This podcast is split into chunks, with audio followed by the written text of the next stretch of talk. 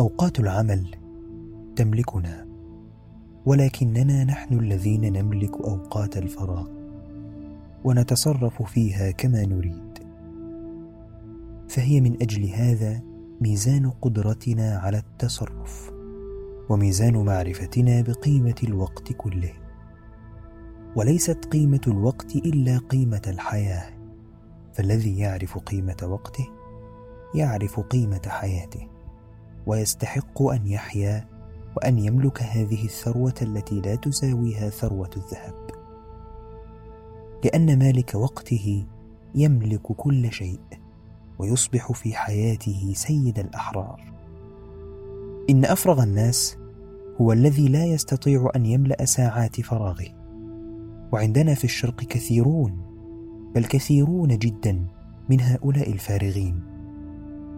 على القهوات وعلى أفاريز الطرقات في الصباح وفي المساء خلال أيام الصيف وخلال أيام الشتاء.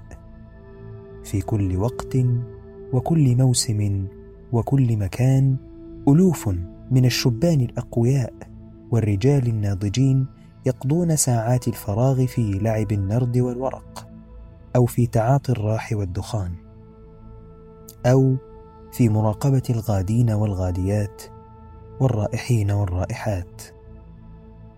ليس هذا وقتا فارغا لأنهم مشغولون فيه وليس هذا وقتا مملوءا لأنهم يملؤونه بما هو أفرغ من الفراغ. هذا ليس بوقت على الإطلاق. هذا عدم خارج من الزمان خارج من الحياة. وليس معنى وقت الفراغ أنه الوقت الذي نستغني عنه ونبدده ونرمي به مع الهباء.